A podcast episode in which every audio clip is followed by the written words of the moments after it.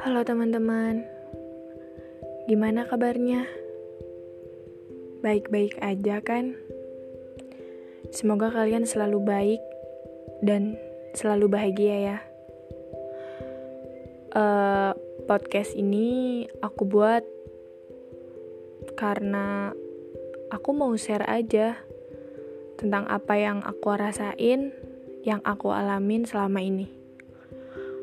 Karena kalau cerita ke seseorang itu gimana ya?